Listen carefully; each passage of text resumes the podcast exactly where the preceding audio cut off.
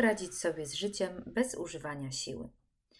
W dzisiejszym odcinku chciałabym opowiedzieć Wam piękną historię, która jeszcze do niedawna była dla mnie historią, a teraz stała się prawdą. W sensie mądrość zawarta w tej historii była dla mnie czymś, co rozumiałam intelektualnie, co przeczuwałam, że może być prawdą, co dotykało gdzieś moje, mojego środka, mojej głębi, ale nigdy nie miałam w to wglądu, że tak faktycznie jest, aż do niedawna.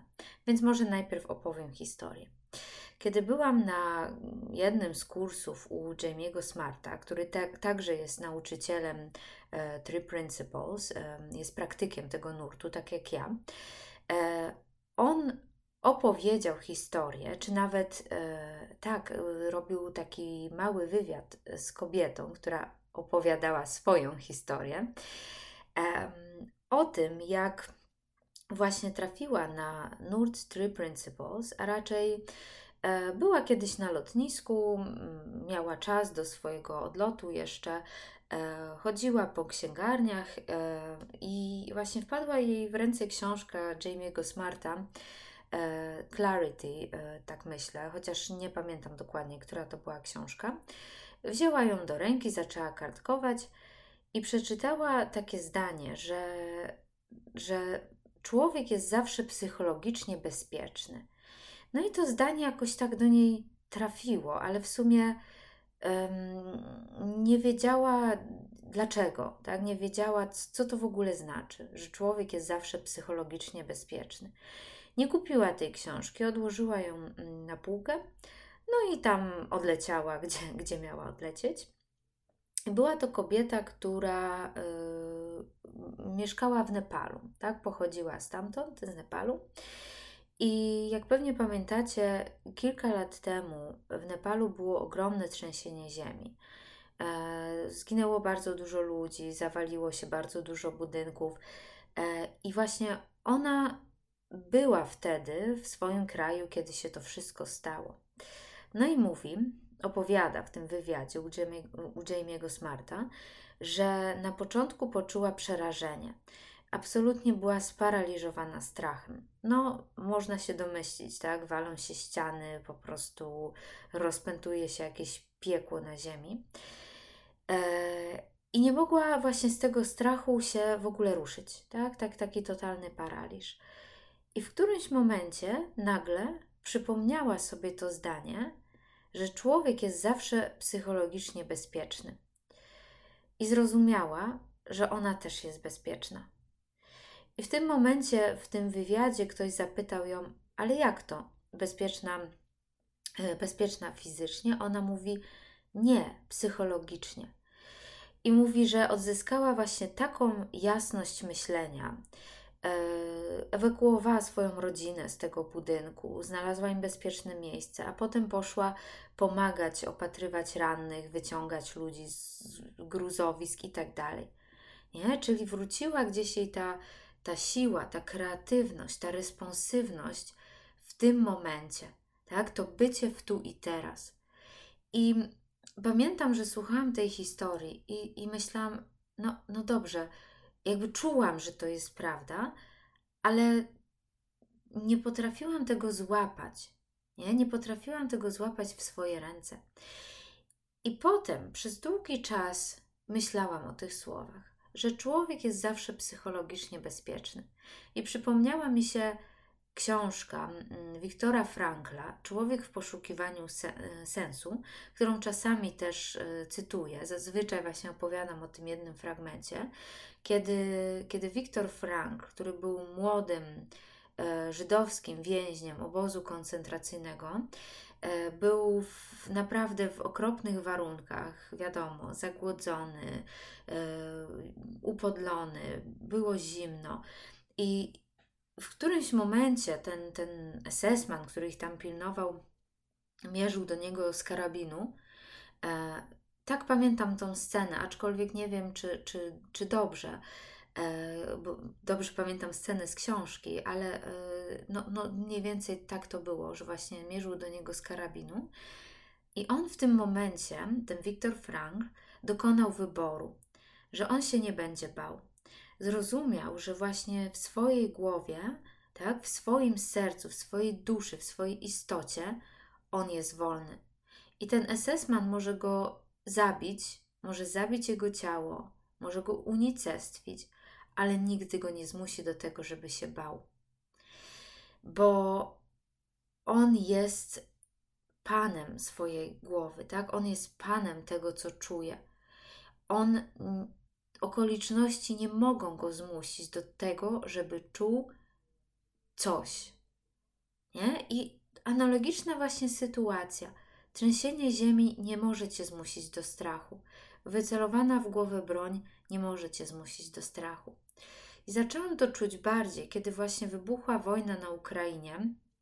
I pamiętam, ten pierwszy dzień byłam tym okropnie zestresowana.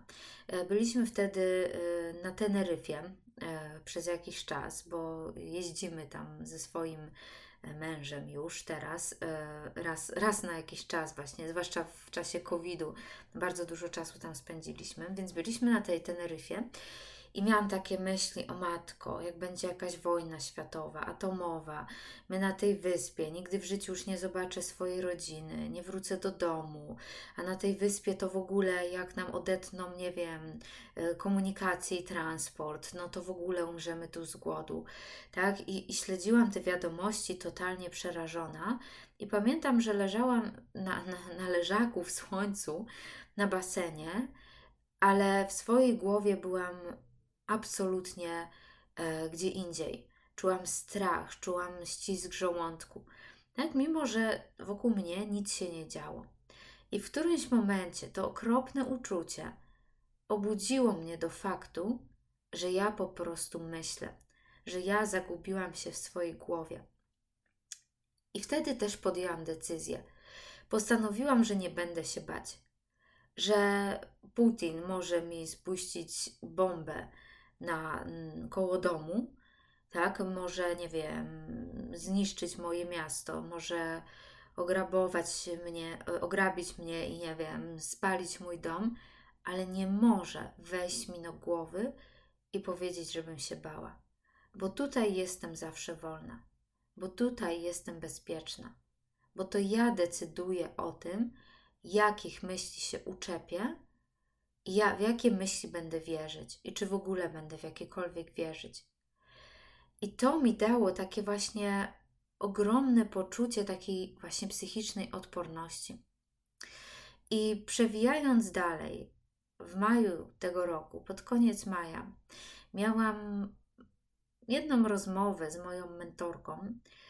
E, rozmawiałyśmy zupełnie o czymś innym, e, o jakichś tam moich problemach, tylko że ona ma taki sposób rozmawiania, czego ja się też uczę, że jakby jej, mm, ona jest w takim, nie wiem, wyższym stanie, tak? Chociaż nic, nic nie robi, tak? To jest zwykła osoba, ale jakby wciąga cię w ten wyższy stan, wciąga cię w stan bez myśli, wciąga cię w stan, kiedy właśnie zostawiasz to swoje myślenie i po prostu jesteś. I przychodzą ci do głowy różne wglądy, różne oświecenia, różne zrozumienia.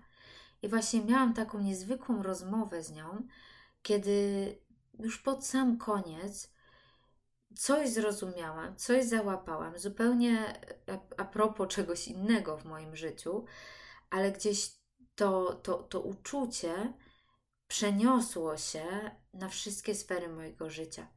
I może to jest jakieś takie trochę, nie wiem, niejasne, tak? Nie, nie wiem, jak to wytłumaczyć, ale po prostu znalazłam się w takim głębokim stanie spokoju, takim głębokim stanie medytacji, który trwał kilka dni.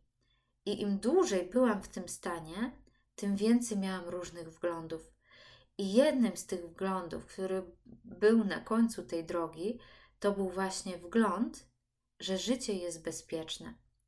Tak to do mnie przyszło, że życie jest bezpieczne, że życie nas zawsze złapie. Tak, bo ja kiedyś myślałam, że życie nie jest bezpieczne, że życie na nas czyha, że, my, że życie jest walką, że my tutaj rodzimy się po to, żeby od najmłodszych lat być w wyścigu szczurów i jeżeli przegramy wyścig szczurów, to przegramy życie. Że jeżeli nie zarobimy tyle i tyle kasy, to stracimy jakąś szansę.